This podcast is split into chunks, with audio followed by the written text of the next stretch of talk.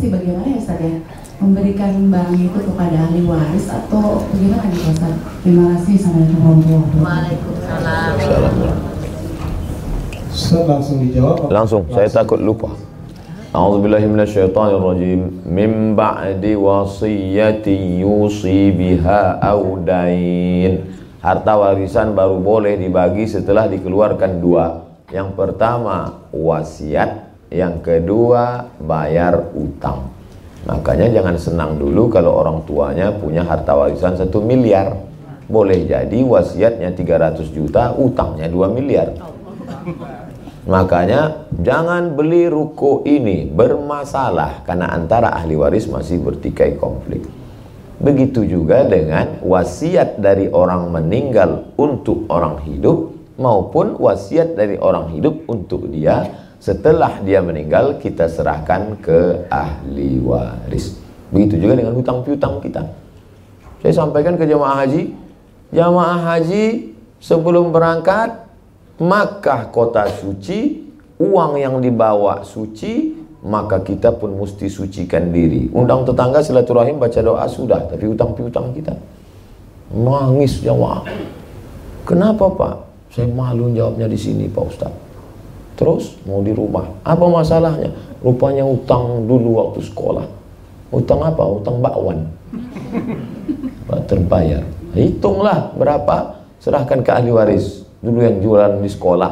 Udah nggak ada lagi ahli waris, sudah meninggal semua. Serahkan ke lembaga yang dinikmati orang banyak. Masjid, panti jompo, rumah yatim, pakir miskin, pondok pesantren.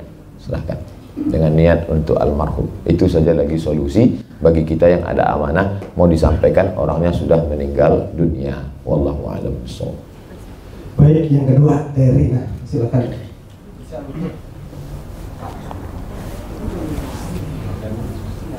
Baik, Assalamualaikum warahmatullahi wabarakatuh. Waalaikumsalam warahmatullah. Ustaz, saya mau tanya, eh, kalau misalnya mencari keberkahan melalui makanan-makanan misalnya yang biasa dimakan oleh Habib, Ustazah, setelah misalnya diberikan, tetapi sisa dari makanan-makanan Habib atau Ustazah itu tidak habis.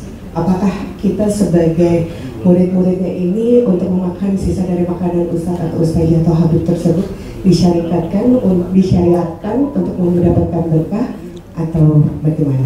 Terima kasih. Ada sahabat Nabi namanya Khalid bin Walid. Khalid bin Walid suatu hari kehilangan pecinya, topinya.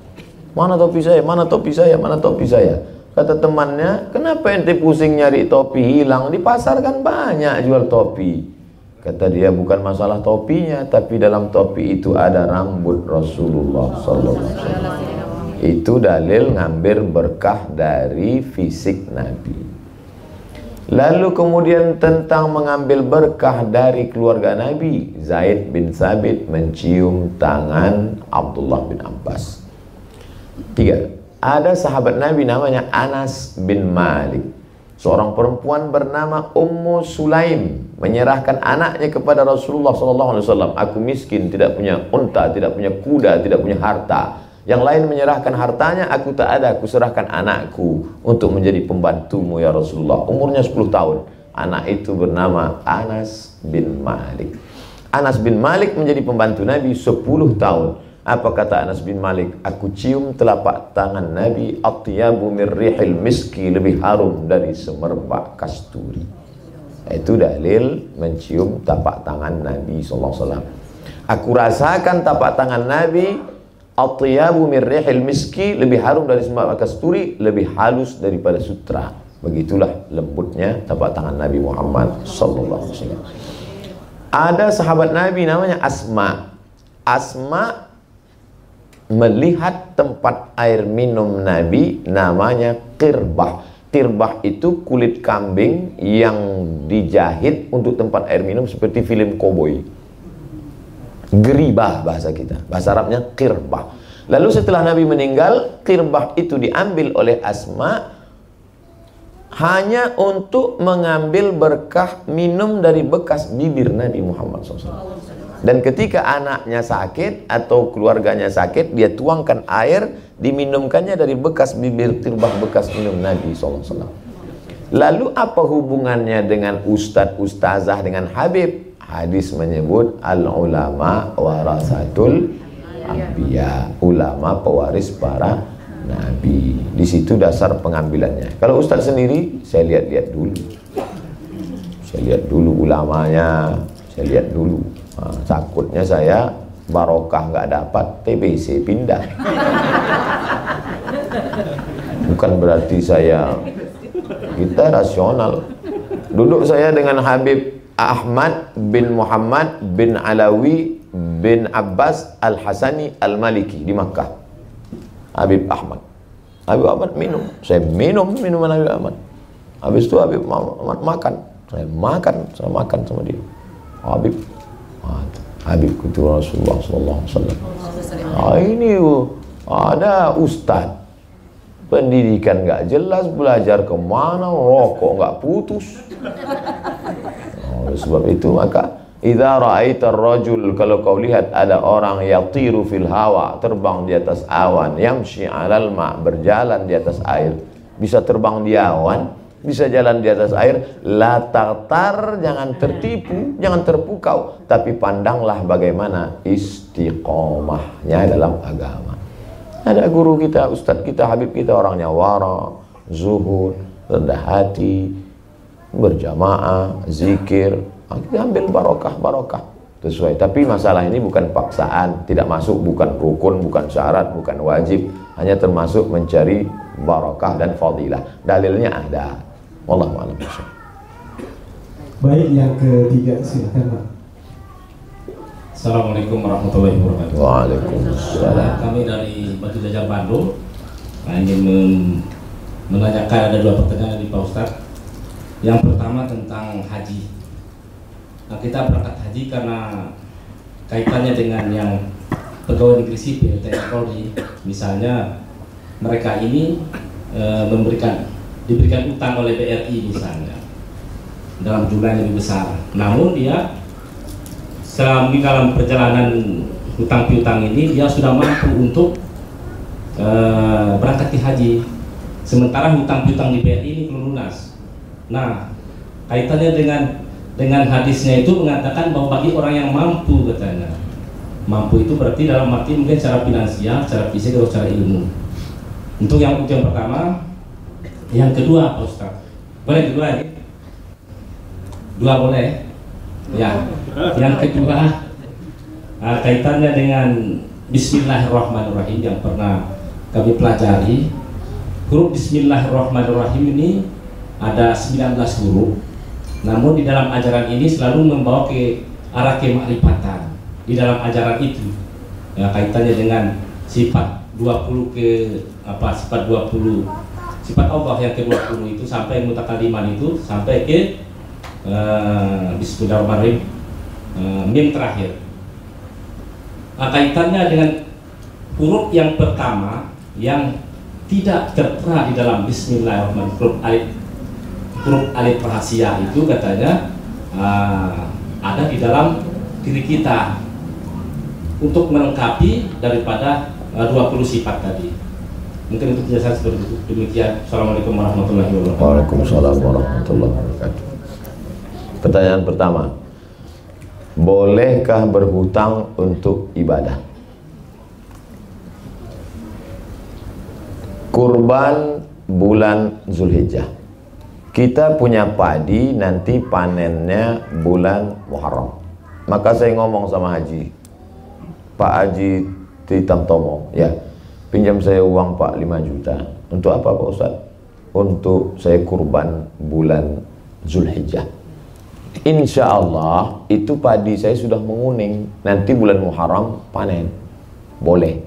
Kenapa? Ini termasuk dain yurja ada uhu. Ada hutang tapi yang diharapkan membayarnya ada.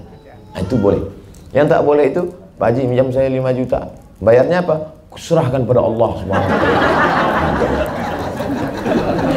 Karena dia punya gaji pokok 5 juta, diambilnya empat, yang satu itu dia setorkan sampai masanya tetap juga terbayar. Andai dia meninggal sekalipun di tanah suci, tetap ada pensiunnya. maka termasuk dalam kategori dain yurja ada uhu hutang yang bisa diharapkan pembayarannya begitu dalam kitab majmu' fatawa majmu' kumpulan fatawa fatwa-fatwa tapi katanya yang berangkat itu walillahi ala nasi hijjul bait. Dianjurkan berangkat manistata'a ilaihi sabila. Bagi siapa yang mampu. Dia dia cukup mampu. Karena kondisi zaman dulu punya onta langsung pergi ke Makkah. Zaman sekarang punya uang belum tentu bisa berangkat. Fine plus saja belum tentu bisa berangkat. Plus pun sekarang mesti tiga tahun nunggu. Oleh sebab itu maka dia nabung dia bayar dia store lalu kemudian setelah 10 tahun berangkat sisa 2 tahun tetap utangnya itu tidak menyebabkan hajinya tidak sah. Hajinya tetap sah. Yang kedua, ada dalil tertinggi Quran. Di bawah Quran hadis. Di bawah hadis ijma. Ijma konsensus, kesepakatan. Di bawah ijma qiyas. Qiyas itu artinya analogi. Analogi mencari hukum yang belum ditetapkan oleh Allah dan Rasulullah kepada hukum yang sudah ada dengan melihat titik persamaan. Contoh sabu-sabu. Tak ada dalam Quran. Tak ada sabu-sabu dalam Quran dalam hadis. Dari mana pengambilan sabu-sabu? Kias, analogi. Dikiaskan ke khomar. Kalau khomar menghilangkan akal, sabu-sabu lebih menghilangkan. Maka hukum khomar sama dengan hukum sabu-sabu. Itu namanya kias. Tapi ada enam lagi dasar pengambilan hukum dalam Islam. Syar'u man qablana saddu zara'i qaulus sahabi istihsan istishab uf. Sepuluh pengambilan hukum. Pertanyaan yang kedua bahwa bismillahirrahmanirrahim banyak beda dengan iqra bismi rabbikal ladzi khalaq. Kalau bismillahirrahmanirrahim banyak enggak pakai alif. Kalau iqra bismi rabb banyak pakai alif. Bismillahirrahmanirrahim alifnya enggak ada. Alifnya itu ada dalam diri kita. Bentuknya seperti huruf alif bercahaya. Tidak ada dalam Quran tidak ada dalam hadis tidak ada dalam ijma tidak ada dalam qiyas Lalu orang mengaku dia mendapat itu dari laduni, mendapat dari ilham, mendapat dari boleh jadi itu dapat dia untuk diri dia sendiri sebagai ilham. Dia tidak disuruh untuk mengajarkan. Boleh jadi dia dapat itu dari perenungan dia. Tapi yang lebih selamatnya kalau kita dapat ilham untuk diri kita saja. Adapun kita ajarkan siapa yang tidak tahu huruf alif pada bismillah ini bahwa dia cahaya dalam dirimu, maka saya sendiri sampai sekarang tak berani mengajarkan kalau tidak dari guru-guru itu kepada guru bersanad. Makanya saya lebih selamat selalu mengatakan menurut Imam Hanafi menurut Imam Maliki menurut Imam Syafi'i.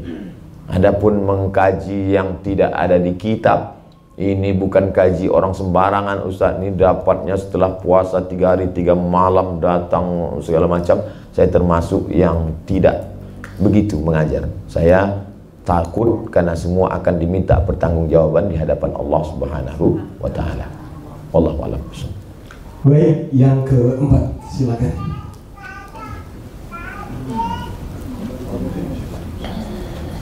Assalamualaikum warahmatullahi wabarakatuh. Waalaikumsalam warahmatullahi Yang terhormat saya Bed, yang saya hormati Ustaz Abdul Somad Uh, nama saya Satu Kurniawan, pangkat Sersan satu. Saya anggota dari Mayor Infanteri Nadia Pandi, uh, jabatan saya di Operasi. Saya mau bertanya Pak Ustadz uh, mengenai teknologi, ilmu teknologi uh, dan kemajuan zaman ini.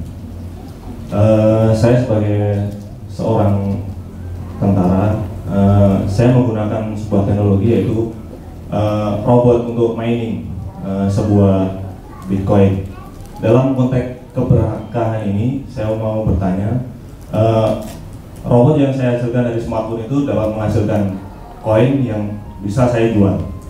Apakah itu saya mendapat keberkahan? Itu aja terima kasih. Assalamualaikum warahmatullahi wabarakatuh. Bapak punya robot.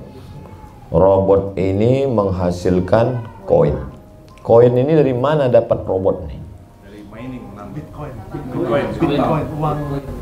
Uang digital. Uang digital. Uang digital. Dari mana dia dapat? Dengan cara apa dia? dengan program yang ada di server yang kita ikuti eh, lalu eh, mendapatkan sebuah koin dan koin itu macam-macam Nanti bisa diuangkan. dan kita jual ada perusahaan namanya Indodax yang ada di Indonesia dan bisa menjadi uang sebuah rupiah. Nah, Islam tidak mengatur kita naik apa, mereknya apa, karena teknologi akan canggih terus. Dia hanya mengatur substansi kaedah umumnya saja. Kalau dalam transaksi itu tidak terdapat rish, tipu, zulm, aniaya, gharar, gambling, judi, ketidakpastian, maka transaksi muamalat jual beli transaksi apa pun boleh. Tapi kalau di dalamnya ada rish, tipu, di dalamnya ada zulm, aniaya, di dalamnya ada gambling, gharar, ketidakpastian, maka walaupun tidak ada tiga-tiganya salah satu, maka transaksi itu haram. Walaupun tidak canggih. Jangan kita tidak lihat canggih tak canggihnya. Contoh e-commerce. Jual beli barang tapi akadnya kita tidak lihat orang. Tapi dia melalui multimedia maka e-commerce diputuskan oleh lembaga Bahsul Masail di NU, di Muhammadiyah namanya Majelis Tarjih, boleh, tapi bersyarat selama tidak ada menyediakan tas. Dia kasih gambar, kirim ke nomor rekening ini. Begitu barang datang tak sama dengan gambar. Di situ kulit buaya, ini kulit ular. Lalu kemudian di mana kita bisa tukarkan? Makanya harus ada aturan klik. Kalau tidak ada di kota ini, bisa perwakilan di kota ini. Nomor kontak person, orangnya, jelas. Sehingga terhindar dari yang tiga. Jangan ada tipu, jangan ada zulm, aniaya, jangan ada horor, gambling, ketidakpastian. Maka kalau selamat dari yang tadi, pelajari dari awal sampai ujung akhir, tak ada tiga-tiganya, halal. Ada tiga-tiganya, jangan. Karena kita mencari rezeki yang berkah duit hantu dimakan setan. Tak ada berkah. Cuma numpang lewat aja di tiga. Cuma numpang dosa aja. Itu apa? Nauzubillah Baik, yang selanjutnya. Masih ada waktu ya Ustaz? ya? saya saya ikut sohibul bait sama Oh, panitia. Ayah, oke silakan, silakan ya. Silakan untuk selanjutnya. Assalamualaikum warahmatullahi wabarakatuh. Waalaikumsalam.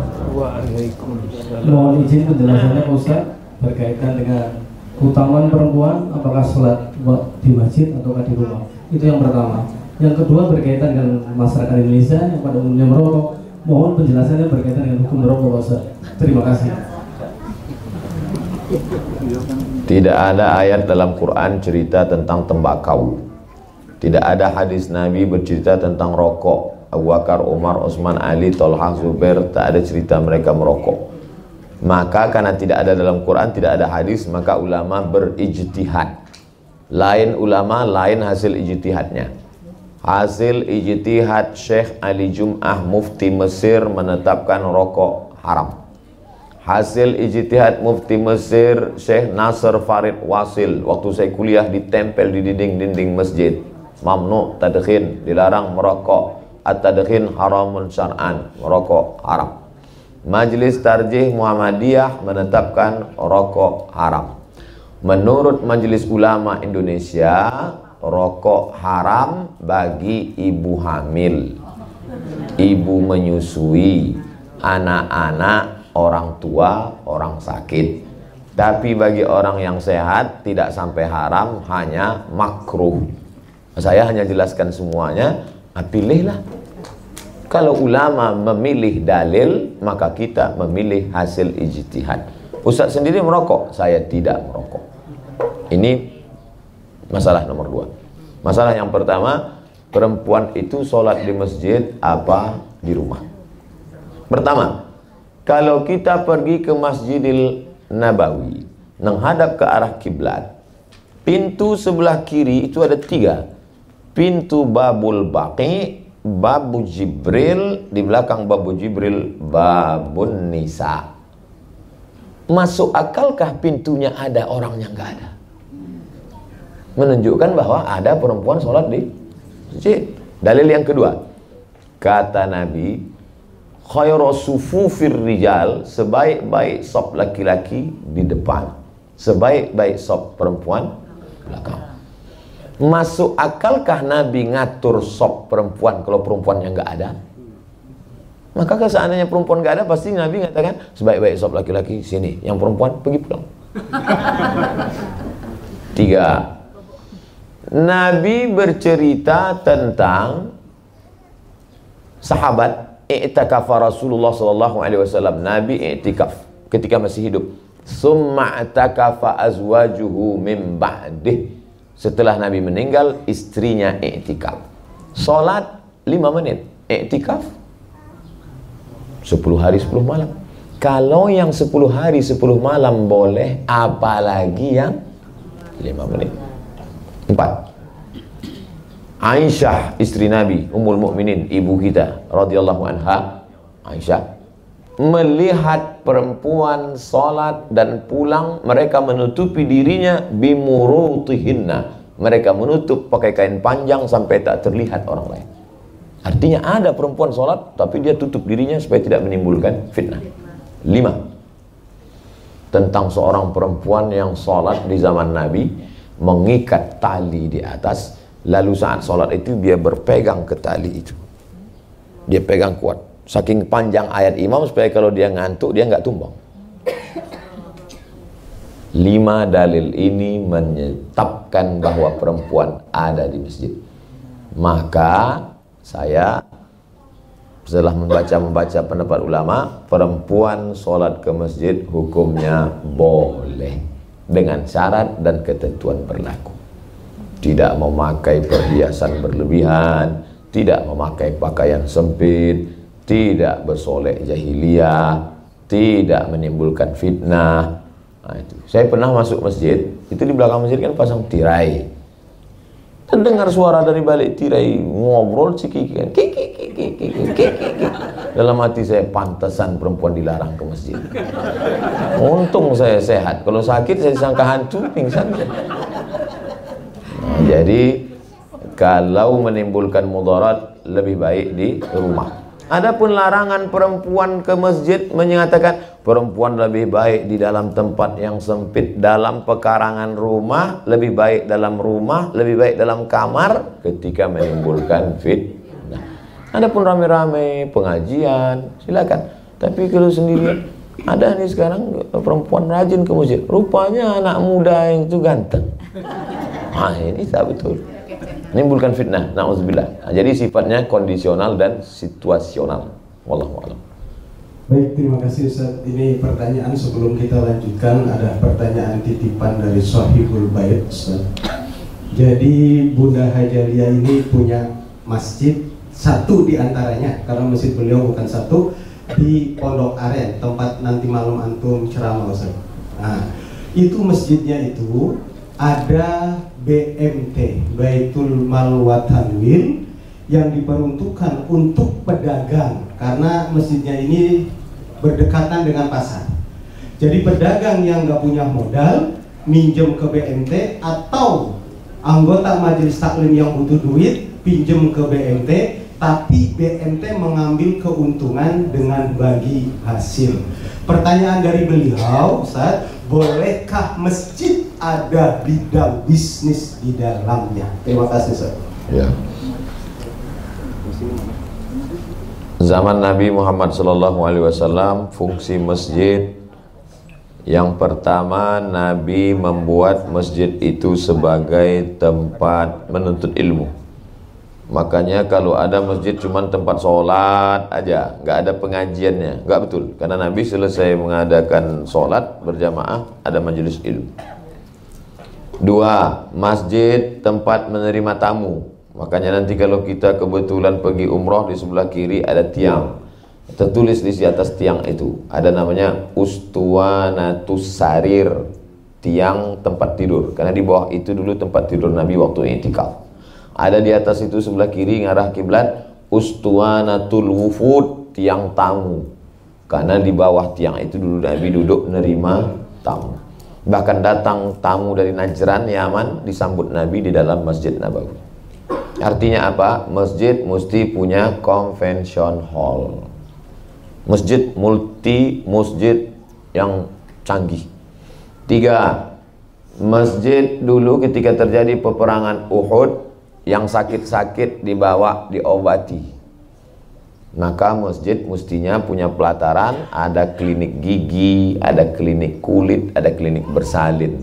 Sehingga yang datang sakit zohir, mentalnya kacau, sakit gigi, mendengarkan ayat Quran, mendengarkan, maka batinnya sembuh, syukur-syukur dia taubat suara dari pengajian masuk ke ruang-ruang itu sehingga. Ada convention hall tempat penyewaan untuk menikah sehingga orang menutup aurat. Terdengar suara azan, stop. Jadi masjid mesti begitu. Yang keempat, Nabi SAW membuka Masjid Nabawi. Ma baina baiti wa mimbari. Antara rumahku dan mimbarku 22 meter panjangnya. Raudhatun min riyadil jannah. Taman surga ini rumah Nabi ini mimbar Nabi 22 meter. Jalan terus kemari ketemu pintu Babus Salam sekarang. Di Babus Salam itulah pasar kota Madinah. Itu makanya azan zaman Nabi satu. Setelah Nabi meninggal kalau azannya cuma sekali orang sibuk dagang kosong sholat Jumat. Dibuat azan dua kali. Azan pertama manggil ayyalas salah. Karena dekat jarak antara masjid dengan pasar. Mestinya masjid berperan. Karena kalau ustaz cuma mari sholat jamaah, mari sholat jamaah, orang nggak peduli. Tapi kalau siapa yang rajin sholat berjamaah dapat pinjaman modal. Awal-awalnya dia mungkin tertariknya dunia, tapi lama-lama ada motivasi Masjidnya idealnya begitu. Makanya Masjid Jogo Karian di Yogyakarta setiap cerita min terus, nol terus. Ke mana uang itu? Dipergunakan untuk sosial, untuk Adapun bagi hasil maka dalam Islam yang haram itu riba.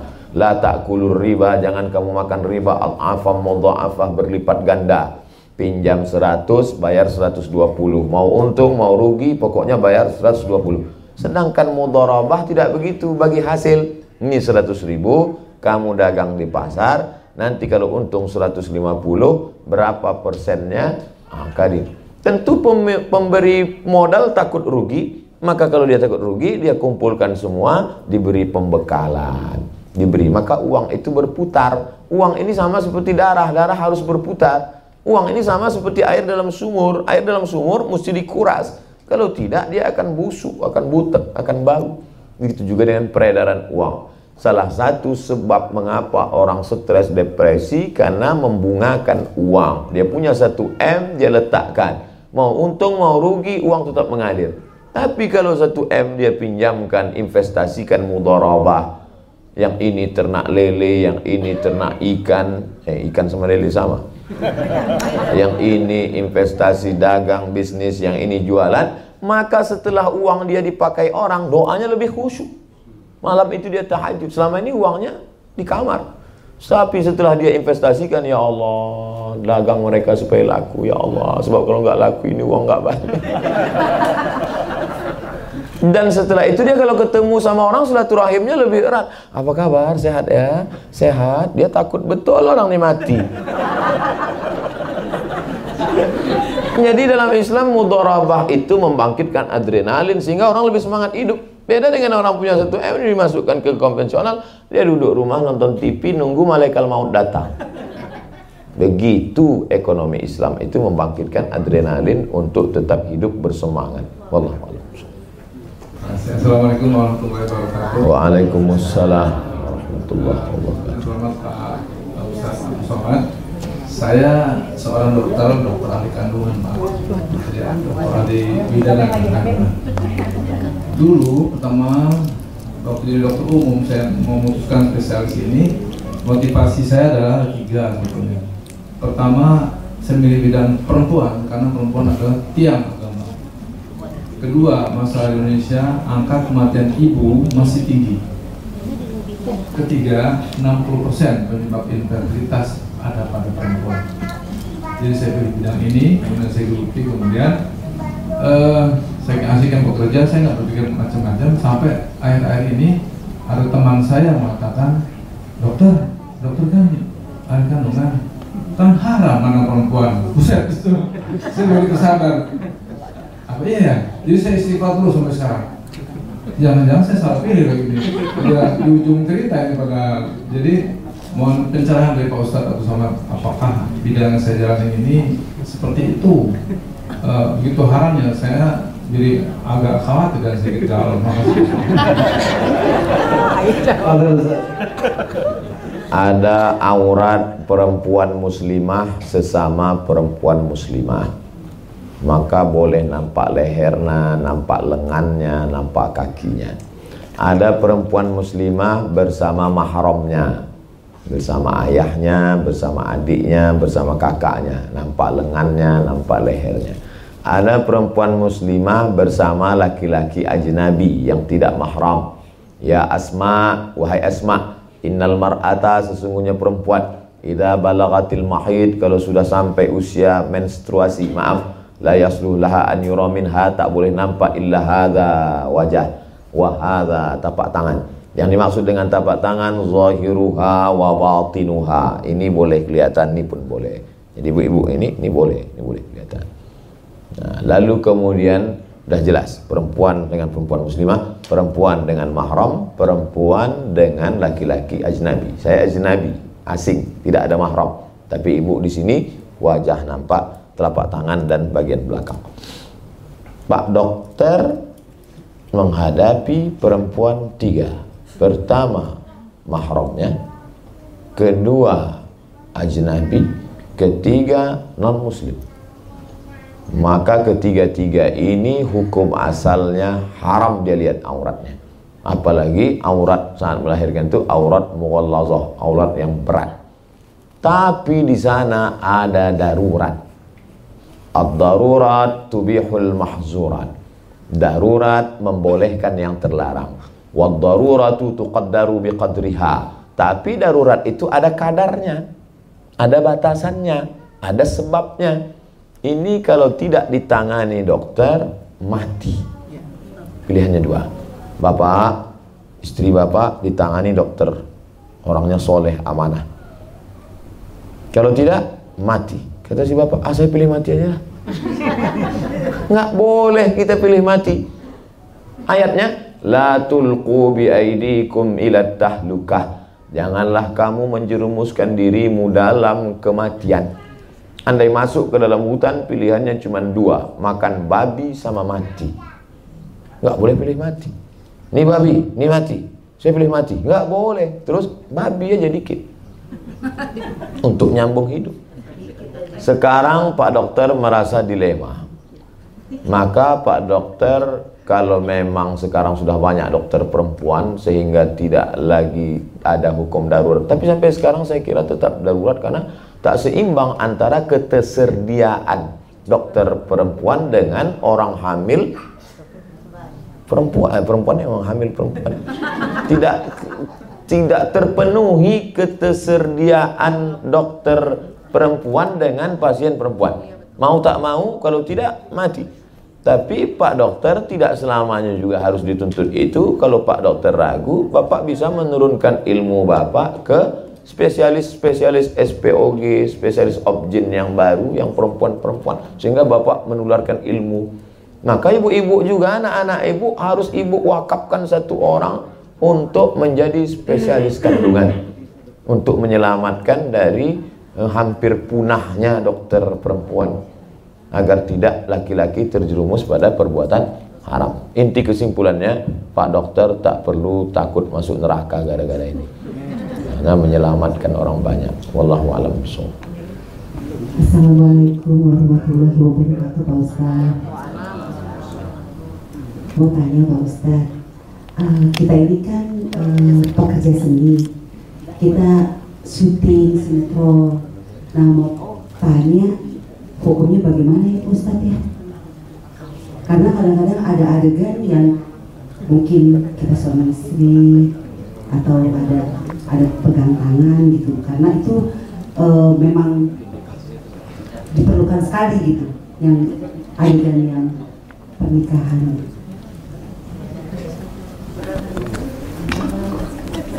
Adegan berdua di satu tempat bisa dihindari. Karena di dalam kamar itu ada kameramen, ada lighting, ada sutradara banyak. Jadi tidak terjebak ibu dalam layak luan narajulun ma'amra'atin illa ma'azi mahramin. Tak boleh berdua-duaan laki-laki tak mahram sempat. Bisa. Tapi yang pegang tangan tak bisa dihindari. Harus dihindari. Tak bisa berkata kamu tadi kok pegang tangannya? Karena lebih baik menusukkan paku dari api neraka ke kepala min antamus sayada mara'atin la tahillu lagu daripada menyentuh tangan perempuan yang tak mahram kebetulan aktingnya di situ uh, pegang tangan. Lalu kemudian misalnya, kamu kan udah hijrah, udah ngaji kok pegang tangan. Tuntutan skenario, nggak bisa. Jadi yang perlu dipikirkan sekarang bagi insan pekerja seni ini adalah bagaimana membuat video yang bisa menyelamatkan orang lain tapi juga kita selamat. Saya banyak tonton film-film uh, film pendek yang di banyak sebar di internet yang produk Thailand itu tidak ada pegang tangan, tidak tapi menyentuh. Pertama yang saya tersentuh tentang orang gila yang tidur di depan toko. Yang disiram. Itu kan ngeri sekali efeknya bagi orang yang meremehkan orang miskin selama ini. Ternyata yang menyelamatkan toko dia itu orang gila yang selama ini dia usir dia siram. Tak ada orang gila itu pegang-pegang tangan. Jadi artinya pekerja seni mulai berpikir bagaimana menulis cerita, menulis kisah pengalaman true story orang yang kira-kira menjadi inspirasi. Terakhir kemarin saya nonton tentang cerita perempuan kaya direktur mengajak sopirnya, sopirnya punya mobil jelek. Kata direktur ini nggak apa-apa saya pakai mobil kamu aja. Yang penting kan sampai. Sampai di tengah jalan ditabrak dari belakang. Orang kaya sombong ini minta ganti. Akhirnya dia telepon, telepon atasannya datang. Akhirnya pucat minta ampun. Tersentuh kita. Tak ada situ pegang-pegang tangan. Nah, bisa. Jadi cobalah berpikir sehingga mengeluarkan cerita-cerita yang menarik tanpa harus menyentuh akidah tanpa melanggar aturan-aturan agama kita.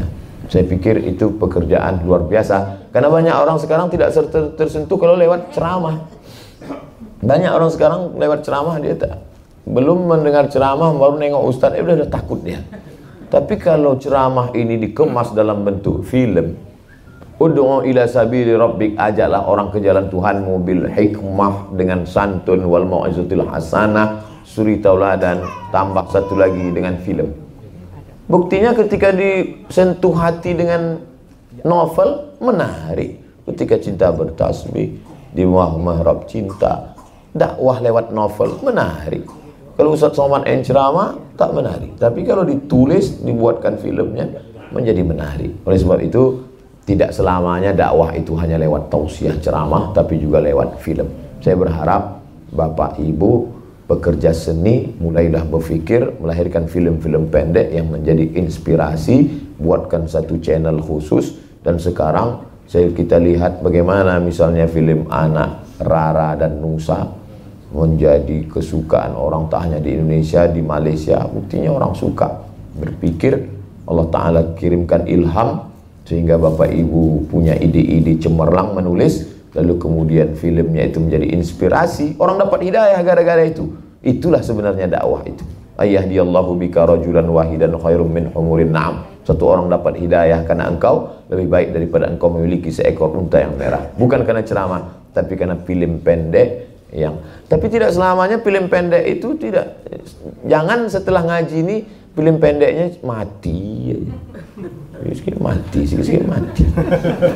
Bukan itu. Coba. Saya tak ngerti betul film ini tapi setelah saya tonton beberapa film Korea dengan Cina yang pesan-pesan kemanusiaan menyelamatkan hewan tidak ugal-ugalan di jalan itu saya kira luar biasa. Wallahu a'lam Baik, karena keterbatasan waktu kita, kita nanti tutup dengan doa oleh beliau. Dan sebelum doa, di belakang ada buku-buku karya Ustadz Abu Somad. Boleh diambil, bayar ya Ustadz Syukur? Bayar, tapi bayar, artinya dibeli. Dan kepada rekan-rekan hadir dari seniman, para pekerja seni diperbolehkan oleh tuan rumah untuk berfoto dengan Ustadz Somad. Tahu Ustadz Somadnya boleh nggak Ustadz? Boleh. Termasuk undangan yang lainnya. Baik, sebagai penutup, mari sama-sama kita baca doa yang akan dipimpin oleh Ustadz Abdul Somad kepada beliau kami persilakan. Astaghfirullahalazim Astaghfirullahalazim Astaghfirullahalazim Alladhi la ilaha illa huwal hayyul qayyum wa atubu إلى حضرة النبي المصطفى محمد صلى الله عليه وسلم وآله الطيبين الطاهرين والعلماء العالمين والفقهاء والصوفيين والمحدثين والمفسرين شيء لله ولهم الفاتحة. أعوذ بالله من الشيطان الرجيم. بسم الله الرحمن الرحيم. الحمد لله رب العالمين الرحمن الرحيم. مالك يوم الدين. إياك نعبد وإياك نستعين. اهدنا الصراط المستقيم صراط الذين أنعمت عليهم غير المغضوب عليهم ولا الضالين آمين. اللهم أنزل الرحمة والسلامة والبركة على هذه الجماعة. turunkanlah keselamatan, kerahmatan, keberkahan kepada seluruh jamaah yang hadir ini ya Allah wa khususan ala sahibi hadzal bait bil khusus kepada sahibul bait Allahumma barik lana fi amwalina berikan berkah pada harta kami supaya kami bisa berinfak berwakaf bersedekah Wabarik lana fi auladina berikan berkah pada anak-anak kami supaya bisa mereka menjadi pejuang menolong agamamu ya Allah. Allah barik lana fi kulli ma ataitana berikan berkah pada semua yang kau titipkan pada kami ya Allah. Allahumma ja'al hadhihi sanata khairan min amsiha jadikan tahun ini lebih baik daripada tahun yang kemarin ya Allah. Allahumma ja'al hadzal balada baladan aminan mutmainnan ya'tihi rizquhu min kulli makan jadikan negeri ini negeri yang aman damai tentram terbuka pintu rezeki dari segala penjuru. Allahumma dafa'anna al-ghala wal waba wal fahsya wal riba wal zina wal munkar Selamatkan kami, keluarga kami, negeri kami dari segala malapetaka bencana, riba, zina, narkoba, perbuatan keji dan munkar Allahumma khtim lana bi husnil khatimah. Tutup umur kami dengan husnul khatimah Wala takhtim alaina bi su'il khatimah. Jangan sampai umur kami berakhir dengan su'ul khatimah. Allahumma rzuqna al-istiqamata ala syariatil gharra wa tariqatil bayda. Berikan kami istiqamah dalam agama yang lurus dan syariat yang benar ini ya Allah. Allahumma ja'al akhir kalamina inda intihai ajalina. Jadikan akhir kalam kami ketika ajal kami sampai saat malaikat maut mencabut nyawa kami yang keluar dari mulut kami adalah la ilaha illallah Muhammadur Rasulullah sallallahu alaihi wasallam. Kalimatu haqqin alaiha dengan itu kami hidup. Wa alaiha namutu dengan itu kami mati. Wa biha nub'atsu dengan itu kami nanti dibangkitkan di padang mahsyar. Wa sallallahu ala sayyidina wa maulana Muhammad wa ala alihi wasallam walhamdulillahi rabbil alamin. Taqabbalallahu minkum minna wa minkum taqabbal ya karim terima kasih atas segala perhatian bil khusus kepada Tuan Haji Tritam Tomo beserta seluruh keluarga dan jamaah mohon maaf atas segala kesilapan dan kehilapan Al-Fakir Abdul Somad kepada habaib kepada alim ulama. Saya tutup dengan wassalamualaikum warahmatullahi wabarakatuh Mari sama-sama kita tutup dengan membaca hamdalah. Alhamdulillahirabbil alamin. Terima kasih. Assalamualaikum warahmatullahi dari yang dari wabarakatuh. jauh-jauh artis kan. Yuk, nanti dikoordinir.